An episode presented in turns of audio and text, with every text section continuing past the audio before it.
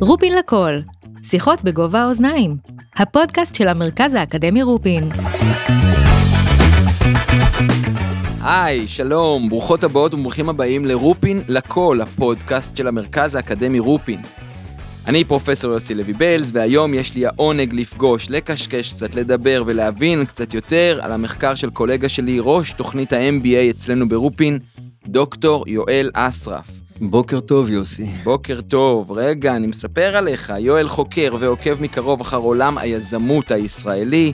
כולנו מכירים ומתגאים במיתוס הזה של ה Start-Up Nation, אבל היום אנחנו נתמודד ונתעניין ונבין קצת את המיזמים שלא ממריאים, אלה שנופלים אה, ולא מצליחים, חלקם אולי מגיעים גם אחר כך לטיפול, אה יואל? אצלך.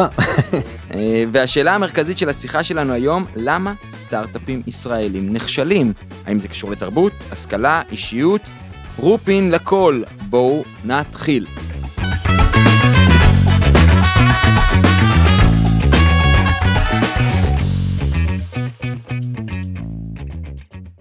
אז uh, למרות שהתחלנו, בואו נתחיל עוד פעם. דוקטור יואל אסרף, שלום, אהלן. אהלן, יוסי, שלום, שלום. מה נשמע? כמה כיף לראות אותך. אני אספר למאזינים שלא יודעים שאנחנו גם עושים גיג ביחד, ושנינו חברים בלהקת הרופין בן. רגילים להתראות על במות ענק. בדיוק, בין 20 ל-4,000 משתתפים. מינימום. אז יואל, אה, לפני שאנחנו ממש מתחילים, אה, אני רוצה לשאול אותך משהו עליך, אתה יודע, באמת אתה ג'אזיסט, מנגן בגיטרה, מערכות שונות, עושה עבודה מדהימה על הבמה. מה מביא אותך לעבור לדבר אקדמיה ולעבור לדבר ניהול?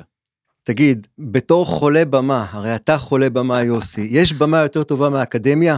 אתה עומד, יש לך קהל, הוא שבוי הרבה פעמים, מה אני צריך יותר מזה? אני רואה מאות אנשים מכניסים לראשון ונוסעים לרופין ל- ל- ל- לעמוד על במות מול סטודנטים. אחלה תשובה. אז אה, יואל, הכותרת של ההרצאה שלך ושל הפודקאסט שלנו זה האם אתם מנהלים מבחוץ או מבפנים. עכשיו, תסביר לי את זה לפני שכולנו ככה פה אה, אה, לא נבין מה זה אומר, תסביר לי את זה במונחים שגם פסיכולוג כמוני יכול להבין מה הם המונחים האלה של ניהול מבחוץ ומבפנים. אז אני מיד הולך להסביר את זה, רק לפני זה לספר שאנחנו חיים כולנו באיזשהו אי קטנטן מלאכותי, ולכן כולנו די תלויים במה שנקרא שיווק בינלאומי, עסקים בינלאומיים, אם אני אזרוק לך עכשיו שמות כמו קורנית דיגיטל, תמה, פלסון, תוסף, טבולה, גניגר, קמדה, mm-hmm. חברות מתעשיות שונות, מה שמשותף לכולן זה שהן תלויות בשיווק בינלאומי. אז כל מה שאמרת קודם לגבי סטארט-אפים נכון, רוב הסטארט-אפים הישראלים גם מכוונים את פניהם החוצה, וזה הנושא שאני חוקר, חברות ישראליות שיוצאות לעולם, מנסות לפלס את דרכן בעולם. וחלקן לא מצליחות, והשאלה היא למה, וזה קשור איכשהו לסוג הניהול. זה קשור אה, בהחלט לסוג הניהול, והיום גם נראה שזה יכול להיות גם קשור לסוג המנהל, או המנהלת כמובן. כל אנשים, קדימה. אז uh, מהלך מחקרי שמלווה אותי ככה די הרבה שנים, ואני אתחיל מהבסיס שלו, ואני רוצה להתחיל עם איזושהי ככה uh, דוגמה שיום אחד uh, הופיעה לי בהזיות. חדר קטן, כמו פה, שני ענקים יושבים בתוך החדר. כמו סטיב, פה. כן, כן. סטיב ג'ובס מצד אחד, ג'ף בייזוס מצד שני, מנכ"ל אפל, מי שלא יודע, מנכ"ל אמזון, מי שלא יודע, ופתאום מישהו פוף, פותח את הדלת ונכנס וצועק, וואו, שמעתם על המוצר החדש שסמסונג הולכת להשיק? נשאלת השאלה, איך הם מגיבים. ובהזיות שלי, ג'ף בייזוס אמר משהו בסגנון, אני תוך שעה רוצה לדעת מה כתוב בטוויטר, בפייסבוק, מה אנחנו מתכוונים לעשות, דוח מסודר וברור. ולעומת זאת יושב לו סטיב ג'ובס ואומר, וואלכ לא מעניין את הסבתא שלי מה הם הולכים לעשות, אנחנו הולכים לקרוע את העולם עם האפליקציה, עם המוצר החדש שלנו בשבוע הבא. אוקיי, זה כבר מריח את מה שאתה מדבר. אז אנחנו כבר רואים שאחד הוא הרבה יותר מקוון outside, מאוד חשוב לו מה המתחרים עושים, מאוד חשוב לו מה הלקוחות רוצים, אחד הוא הרבה יותר מקוון inside, הרבה יותר חשוב לו מה הוא רוצה מבתוכו. וזה בעצם הבסיס לדיכוטומיה הזאת שנקראת Outside In, Inside Out, שלא המצאתי אותה, debate אסטרטגי של איזה 40 שנה, כשההבדל הוא נקודת המוצא לפיתוח אסטרטגיה. האם אני מתחיל מבחוץ, ואז רוצה להתאים את עצמי, או אם אני מתחיל מבפנים, ואני אומר, אני רוצה להיות הסטנדרט של העולם, אני רוצה להפוך את העולם. שתי גישות שונות אה, לחלוטין, ואפשר למצוא, דרך אגב, חברות מצליחות בגישה, בגישת ה-outside in, אפשר למצוא גישות מצליחות בגישת ה-inside out. אם אתה רוצה שאני אפרט יותר, אז uh, החבר'ה מה-outside in, המטרה המרכזית שלהם זה להתאים את עצמם לשוק. אז הם שואלים את עצמם את השאלות הקלאסיות, מי הלקוחות שלנו, מה הצרכים שלהם, מה המתחרים עושים, איזה יכולות אנחנו צריכים לעשות, אותו gap analysis שכולם מכירים, מי שלומד בתחומי העסקים. החבר'ה האלה בסופו של דבר, מה שנקרא, ינתחו הרבה לקוחות, ינתחו הרבה מתחרים, והדגש שלהם הוא על תגובות. החבר'ה מה-inside out שרוצים לשנות את השוק, הם חבר'ה מבריקים. הם בעיקר עסוקים במוצרים חדשניים, בטכנולוגיה, לא מעניין אותם יכולות מבחוץ, מעניין אותם מה נעשה עם היכולות שלנו. אז אם אתה רוצה, כמילות השיר המפורסם של אה, איינשטיין וגבריאלוב, החבר'ה של האינסייד אאוט זה אני ואתה נשנה את העולם, החבר'ה של ה outside in זה אני ואתה נשפר את העולם. ועכשיו נשאלת השאלה מה מצליח יותר מכל הסיפור הזה זאת אומרת איזה סוג של אסטרטגיה יביא לביצועים טובים יותר. רגע אז תן פאוזה ואנחנו נחכה עם הדרמה כי יש פה דרמה אתה בעצם שם לנו על השולחן שתי אסטרטגיות שונות ואני מבין שאתה הולך להגיד לנו תכף מה האסטרטגיה המוצלחת יותר.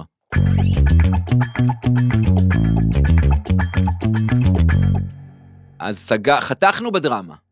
Inside out זה קצת כמו סושי, outside in. זה בול כמו סושי. אז עכשיו בוא תן לנו את ה bottom line, מה עובד.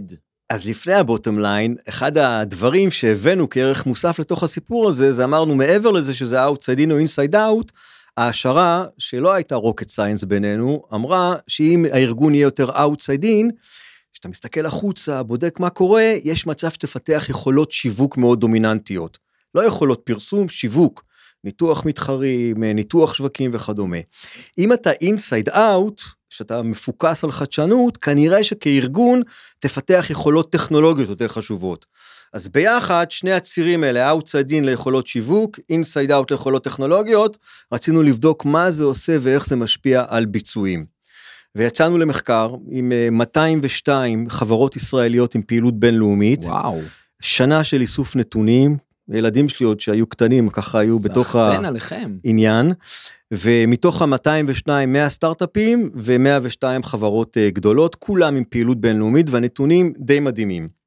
קודם כל ההשערות שעוד פעם אני אומר שהם לא רוקט uh, סיינס uh, uh, אכן הוששו זאת אומרת outside in בהחלט הוביל ליכולות שיווק חזקות inside out בהחלט הוביל ליכולות טכנולוגיות חזקות. מה שיותר מעניין זה שראינו שיכולות השיווק הובילו לרצון של חברות עסקיות להתאים את המוצרים לשווקים.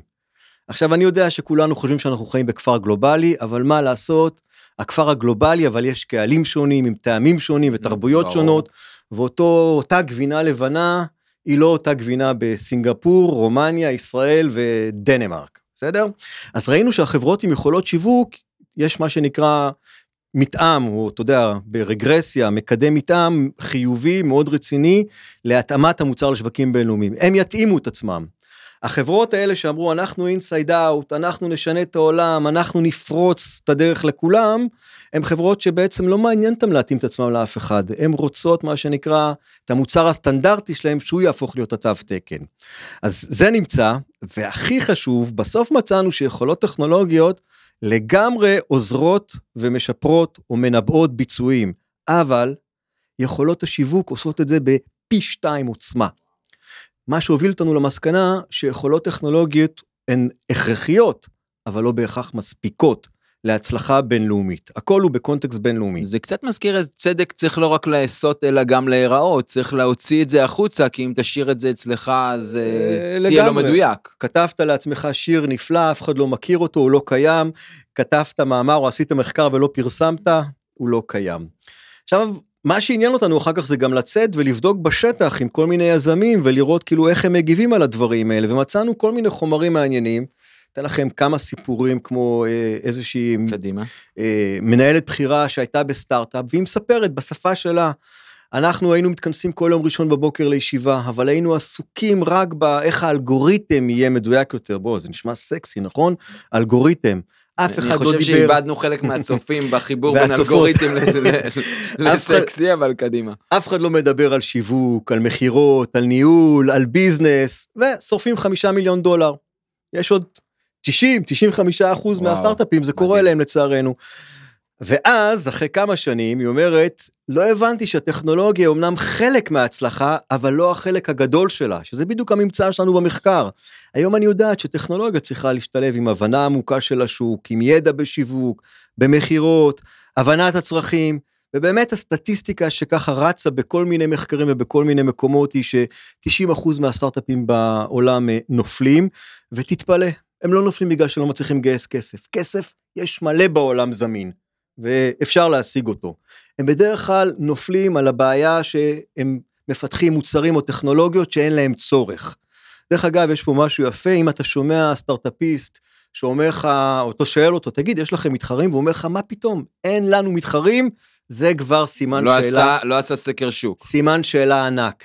כי הרבה פעמים המתחרה הוא לא מתחרה בדיוק באותה טכנולוגיה במדויק, אבל הוא מביא פתרון אחר, ממקום אחר, אתה יודע, אני משקף עופר, אתה כמובן לא, וגם אה, ניתוחי לייזר זה תחרות לעולם המשקפיים, נכון? וזו טכנולוגיה שונה לחלוטין. חשבתי שתגיד משהו אחר, חשבתי שתגיד שאם אין לו תחרות, אולי הוא בשוק לא מעניין. כלומר שאף אחד לא רוצה להיות שם, וזה מה שאתה אומר, הטכנולוגיה מעולה, אבל אף אחד לא צריך אותה. זה יופי של חשיבה יש לך, אמיתית, אתה יכול גם לבוא ל-MBA להרצות אצלנו. אה, רשמתי כי זה לעצמי, באמת בכיף. ככה, אתה יודע, חברות שאומרות אנחנו לבד, בדרך כלל הם גם בשוק קטן מאוד לבד. ובדרך כלל במצב הזה דווקא עדיף שיהיו מתחרים. אז זה מתקשר לאוקיינוס האדום או הכחול, יש סיבה למה כולם רוצים להיות באדום. כנראה שהאוקיינוס הזה שווה יותר.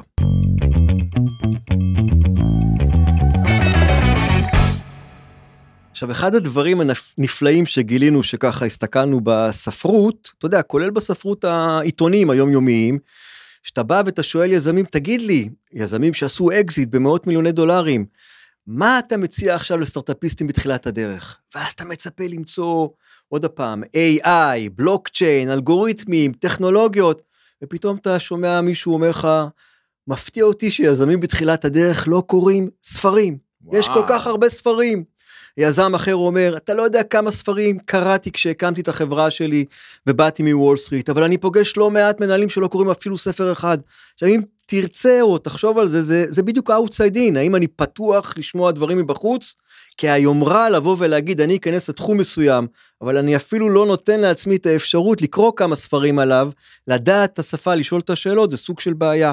עכשיו בשיווק בינלאומי, כשאתה מתעסק עם תרבות שונה, טכנולוגיה שונה, זה מקבל ממדים אדירים. זה נדמה לי אה, שאדם אה, אחד יקר שקוראים לו יובל נוח הררי היה מסכים איתך מאוד, כי בעצם ההיסטוריה מלמדת הרבה על העתיד ועל מה הולך להיות ועל איך הולך להיות, וההיסטוריה הזאת בטח בספרים של התחומים האלה. דע היכן אתה נמצא ולאן אתה הולך, זה די מתקשר. אז תראה, אם אני צריך לדבר על התובנות למנהלים שהיו לנו מהמחקר הראשוני הזה שהתפרסם, דרך אגב, בכתב עת מדעי מאוד נחשב, International Marketing Review ב-2019, יופי. זה קודם כל, אחד, גישת ה outside in מנבאת ביצועים טובים יותר בזירה הבינלאומית. עכשיו, כמובן שיכול לבוא להגיד מישהו אתה טועה, אבל אז אני אגיד לו בוא תביא את המחקר שלך, שמוכיח ההפך. אז קודם כל כדאי להתחיל עם ה outside in.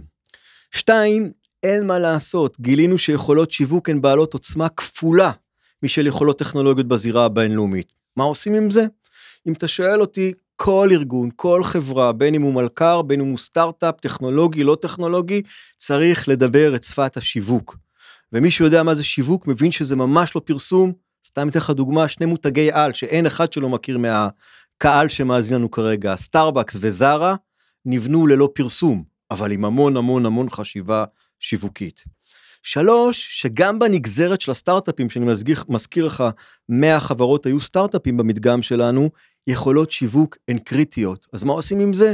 מהיום הראשון צריך להכניס מישהו, לא משנה אם תחת ה title אסטרטג, מנהל, אה, איש שיווק, שבודק את הדברים, מנתח את הדברים, ומוודא שרצים לכיוון הנכון, ולא מפתחים פטנטים, טכנולוגיות, שאחר כך אף אחד אולי לא צריך. שמעתי אותך מאוד, רשמתי לעצמי, ובעצם אתה אומר, גם חברת הסטארט-אפ, עם הרעיון הכי מושלם, חייבת להיות אינטרדיסציפלינרית, שיהיו בה גם אנשי שיווק, ולא לגמרי. רק אנשי תוכנה מעולים ומדהימים. לגמרי, לגמרי.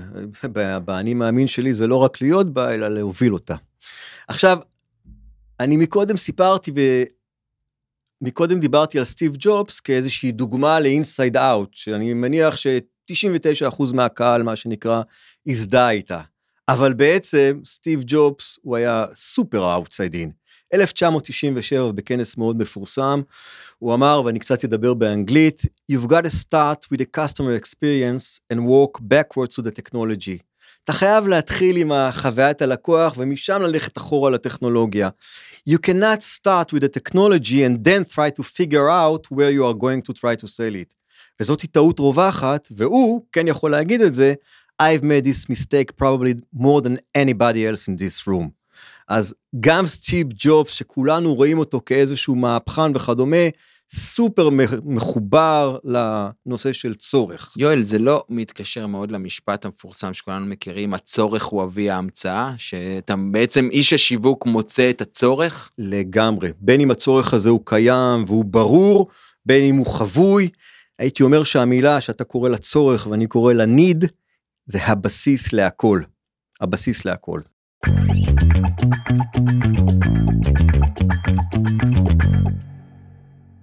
יואל, זה ממש מעניין, אבל בוא, בוא, let's spice it up, ואני אשאל אותך שאלה פרובוקטיבית, נגיד ואני איש מחשבים, ואני מקשיב למה שאתה אומר, ואני אומר, יופי, הבחור הזה מגיע מה-MBA, הוא איש שיווק, אז הוא מראה לנו שהשיווק חשוב. אבל בתכלס, הסטארט-אפים יושבים עלינו, אנשי המחשבים, ושכל השאר אה, ימשיכו לברבר. תגיב לי על הדבר הזה. אני אגיב לך תכף בממצאים ממחקרים, אוקיי. אבל אני אגיד לך שזה לא או שיווק או טכנולוגיה. אתה יודע, אנחנו, יש לנו, גוף האדם צריך גם את היד, גם את הרגל, גם את הלב, גם את הריאות, צריך את הכל שיעבוד, נכון? אבל לפתח דברים ללא בדיקה ראשונית, שיש להם פוטנציאל, שיש להם שוק, שיש להם צורך, זה התאבדות עסקית. אוי, התאבדות זה התחום שלי, אני יכול לדבר על זה הרבה. בשביל זה הבאתי את זה. עכשיו, הכי מעניין אותנו בעצם, אנחנו הגענו למצב שהבנו מה שנקרא איזה פילוסופיה של מנהל תוביל לביצועים טובים יותר, outside in או inside out. אבל בעצם אנשים לא יודעים שאסטרטגיות של ארגונים זה לא איזשהו דבר כל כך מדוקדק ומתוחשב וממוחשב, כי בסופו של דבר ארגונים זה אנשים. אז יש תיאוריה נהדרת שנקראת upper echelon, צמרות העצים, שהתיאוריה הזאת אומרת בפשטות, אם אנחנו רוצים להבין אסטרטגיה, אנחנו צריכים להבין את האדם, כי הוא זה שיוצר את האסטרטגיה. ואם אנחנו רוצים להבין את האדם, אז אנחנו צריכים להבין מה המטען שהוא מביא איתו, בין אם זה ניסיון, בין אם זה אה, איזשהו תכונות אישיות, בין אם הוא מגיע מתרבות מסוימת, כי בעצם כל מה שהאדם עושה, הוא עושה דרך איזשהו... משקפת שדרכה הוא רואה את המציאות, נכון? אמת. ובאמת, דרך אגב, אנשים שלומדים בבית ספר להנדסה, הם רואים את המציאות דרך משקפת ההנדסה. אנשים שלומדים בבית ספר לפסיכולוגיה או כלכלה, רואים דרך משקפת אחרת. אז זה באמת, הדברים האלה מאוד מאוד הגיוני. אז רצינו להבין באמת מה גורם למנהלות ולמנהלים להיות outside in או inside out. מחקר איכות, איכותני שעשינו עם uh, משהו כמו 35 מנהלים ומנהלות בכירים מישראל, אחרי המחקר הכמותי, לא קשור אליו וכדומה, הלכנו אליהם בעצם וישבנו עם כל אחד סדר גודל של שעה, וניסינו להבין האם הם יותר outside in או inside out, יש לנו שאלון שמאבחן את זה, ואז מה באמת גרם לזה? התרבות, האישיות, ההשכלה, קריאת ספרים, הצלחות בעבר, כישלון בעבר וכדומה, וגילינו פה ממצא מאוד מאוד יפה, זה דרך אגב עדיין לא התפרסם, אז זה לראשונה מתפרסם בפודקאסט הזה בעצם. לכבוד הוא לנו. גם לי. גילינו מה שאפשר להגדיר, קראתי לזה חשיבה רומנטית וחשיבה ריאליסטית. אז גילינו שהדרייברים, מה שגורם למנהלים ומנהלות להיות אינסייד אאוט, זה הרבה פעמים חשיבה רומנטית, שבבסיס שלה יש כמה דברים. התרבות הישראלית, מה זה תרבות הישראלית? הרבה פעמים זה ה... אל תסתכן בקנקן אלא מה שב, במה שבתוכו, נכון? הקנקן לא משנה, רק מה שבתוכו. הארוגנטיות הישראלית, אנחנו העם הנבחר, אנחנו נראה לכולם מה לעשות ואיך לעשות. גילינו שכשאין לך ניסיון ניהולי, אתה הרבה יותר תיטה להיות אינסייד אאוט. גילינו שההשכלה שלך היא אך ורק הנדסית, או מה שנקרא מתחום המדעים המדויקים, אתה באמת רואה את העולם בצורה הזאת, אתה תהיה יותר inside out, וגם הגיל הוא צעיר.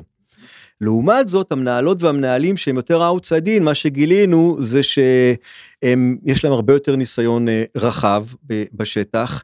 יש להם, גם אם יש להם השכלה הנדסית, יש להם אחר כך איזשהו תואר במנהל עסקים, בכלכלה, במשפטים, שפתח להם את הראש. הם יותר מבוגרים, והכי יפה זה היה, זה שלא מצאנו אפילו transition אחד בין outside in ל-inside out. רק מ-inside out ל-outside in. וב vision שלי או בחלום שלי, איך שזה נראה, זה אתה יוצא מ-8200, אתה יוצא מהטכניון, החשיבה שלך היא רומנטית, אני הולך לקרוע את העולם, להביא את הטכנולוגיה שתשנה אותו, ואז אתה נתקל בחומת המציאות, ואז אתה מתחיל לספוג צלקת ראשונה על הגב, צלקת שנייה, צלקת שלישית, ואז אתה מתחיל להפנים שמה לעשות, יש גם שוק, יש גם לקוחות, יש צרכים, והחשיבה שלך הופכת להיות ריאליסטית יותר. רגע, אני רוצה להיות רגע זבוב על הקיר בשיעור של יואל האסרף, רופין, מדשאות, שבע בערב. נשמע טוב, בואנה. אכן נשמע טוב.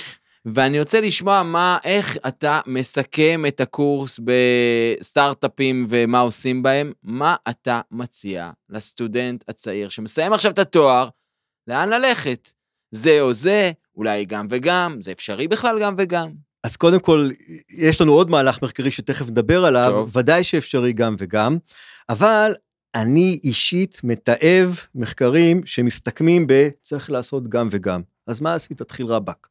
אז מה שאני אומר, כן גם וגם, אבל צריך להתחיל ב outside, להבין מה קורה, לראות מה קורה, על בסיס זה ללכת אל הפנימה, לראות מה אנחנו רוצים לעשות, מה מעניין אותנו, איזה יכולות יש לנו, ואז זה עובד יותר טוב ביחד. אם תשים לב, שתי אסטרטגיות לא נקראות outside versus inside, זה outside in, inside out. השאלה מאיפה אתה מתחיל.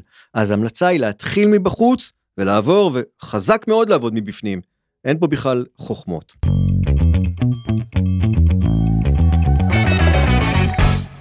אז אתה יודע שאני אוהב אותך יוסי, אהבה אמיתית, ואני יודע שאתה פסיכולוג אחד מהטובים ביותר בארץ, אז ארגנתי לך מחקר שקושר בין פסיכולוגיה ל-outside in, inside out. הדדי. מחקר האחרון שכרגע מתגבש ביחד עם חוקרת אה, מארצות הברית, הוא סופר מעניין, כי אמרנו בוא נבדוק איך תכונות אישיות, ה Big Five המפורסמים, mm-hmm. איך הם קשורים לסיפור הזה של outside in, inside out. מעניין. אז יש חמש תכונות שאתה בטח מכיר, כמו הנטייה להיות מוחצן, בסדר? אסרטיבי, הרפתקני, הנטייה להיות אה, אמפתי, סימפטי וכדומה, אה, אה, הנטייה לעבוד קשה, להעריך משמעת, נהלים, להתמקד, מה שאנחנו קוראים conscientiousness, אוקיי? זה לא מצפוניות כמו שהרבה פעמים אנשים מתרגמים. וזאת אחת מהמילים הקשות להגיד נכון, והיא לימדה אותי, החוקרת אמריקאית לימדה אותי איך לבטא את זה. הסיפור של להיות נוירוטי או יציב רגשית, אז היציבות הרגשית, להיות רגוע, בעל ביטחון עצמי, והתכונה האחרונה זה הפתיחות לחוויות.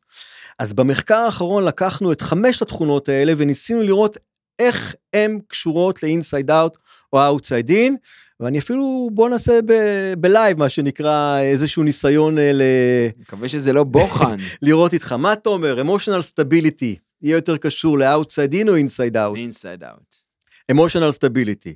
נהדר, כי יש לנו ממצאים אמפיריים שמראים שאמושיונל סטביליטי קשור בקשר מובהק ל-outside in, והקשר עם inside out הוא לא מובהק. Uh, התכונה שנקראת נעימות, agreeableness, uh, אתה מבין ודאי מה זה, האם זה יהיה קשור יותר ל-outside in או inside out? inside out. התכונה להיות נעים, אוקיי, צדקת, הפעם צדקת.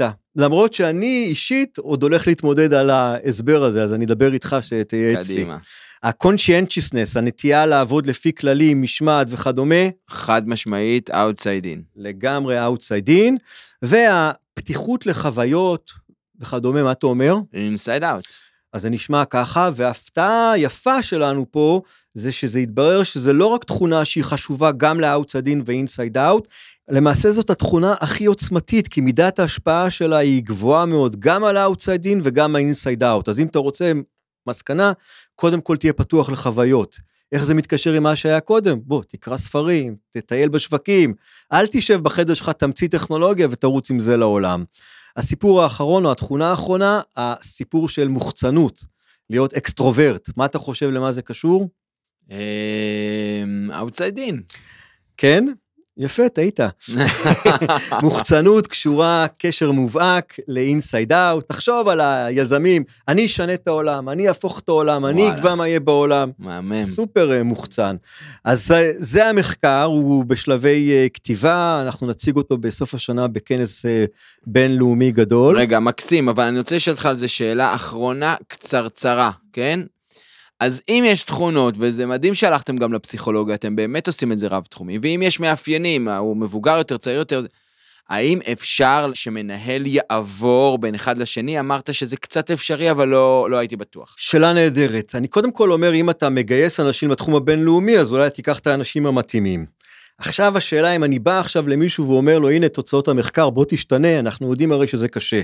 אפילו הפילוסוף הגדול דיוויד יום אמר, תביא עובדות, זה לא ישנה, נכון? אני אבוא לסטארט-אפיסט ואני אספר לו על כל הנתונים של המחקר שלי, עם הבטות, עם הרגרסיות, זה לא יזיז לו.